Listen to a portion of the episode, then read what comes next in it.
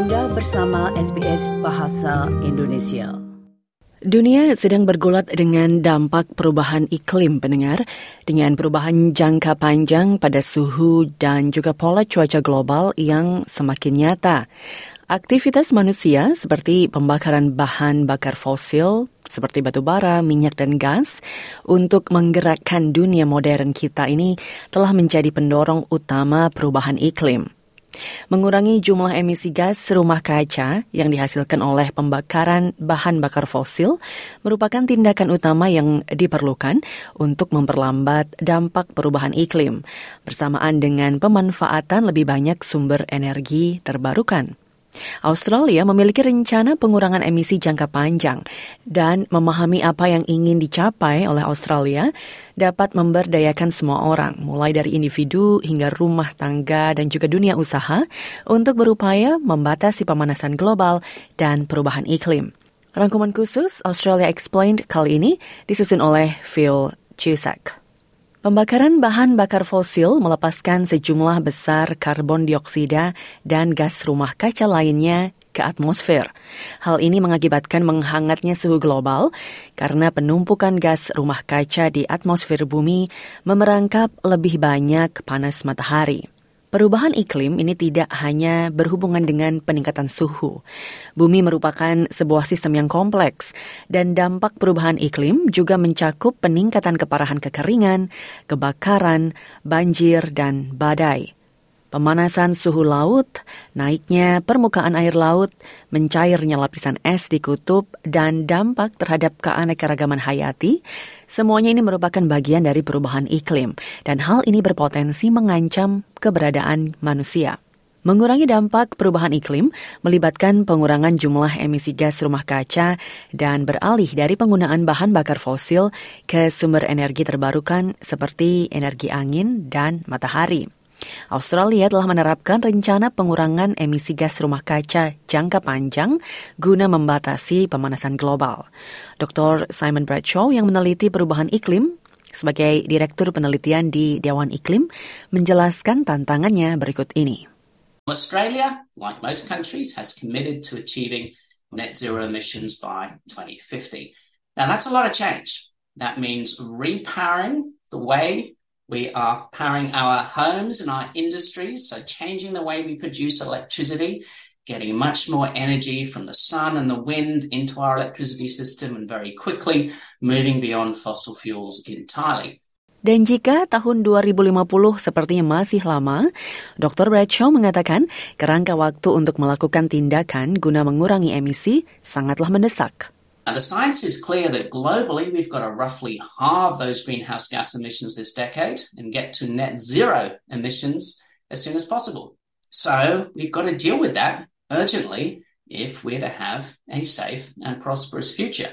And that means getting our greenhouse gas emissions down as fast as we can, which begins with leaving our fossil fuels in the ground.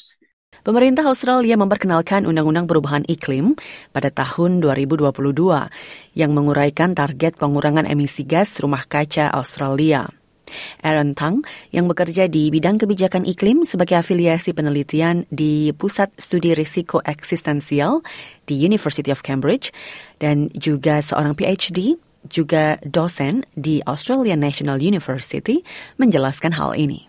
Australia's climate change bill aims to reduce emissions by 43% from 2005 levels by 2030 and reach net zero emissions by 2050. Now, this is a big picture target. Australia has previously had a bit of trouble maintaining consistent climate policy at the federal level. The climate change bill hopefully provides much needed stability moving forward and is a foundation for even more ambitious action in the future. Emisi nol bersih berarti mencapai keseimbangan keseluruhan antara emisi gas rumah kaca yang dihasilkan dan emisi gas rumah kaca yang dikeluarkan dari atmosfer. Untuk mencapai emisi nol bersih, Dr. Tang mengatakan diperlukan investasi pada sektor energi terbarukan. We get half of our energy from burning coal. Investing in other ways to produce energy in Australia will not only reduce our own emissions and lower energy prices, but also create economic opportunities across the Asia Pacific. We can be world leaders in renewable energy industries. Dr. Bradshaw setuju bahwa Australia berada di posisi ideal untuk memimpin penggunaan energi terbarukan. Now, we're lucky in Australia because we're one of the sunniest and windiest countries on the planet, so there's enormous potential to be changing the way we produce electricity. In fact, in doing so, we can be guaranteeing ourselves more affordable and reliable power as well. Kita semua pendengar juga memiliki kekuatan untuk menjadi bagian dari perubahan ini. I guess if you're talking about roof racks and a roo bar and bigger wheels and tyres or different sort of add-ons like a tow bar and that sort of thing, typically they don't really in- increase the value of the car unless the buyer really specifically wants those things on it. That might incentivise them to pay a little bit more for it. But typically all those add-ons and optional extras that you can buy in the aftermarket don't add much more to the value of the car, especially if the buyer has to go and modify the car again back to how it was before because I don't like those optional extras that are on it. Selain cara kita bepergian, ada langkah lain yang juga bisa dilakukan di rumah. One of the uh, best things we can do is if we currently are using gas for our cooking and heating, getting off gas and onto electrical appliances. Of course, we'll be reducing our contribution to emissions because gas is a polluting fossil fuel. And we can also be making our homes healthier as well because there's increasing evidence that burning gas in our homes carries very significant health risks.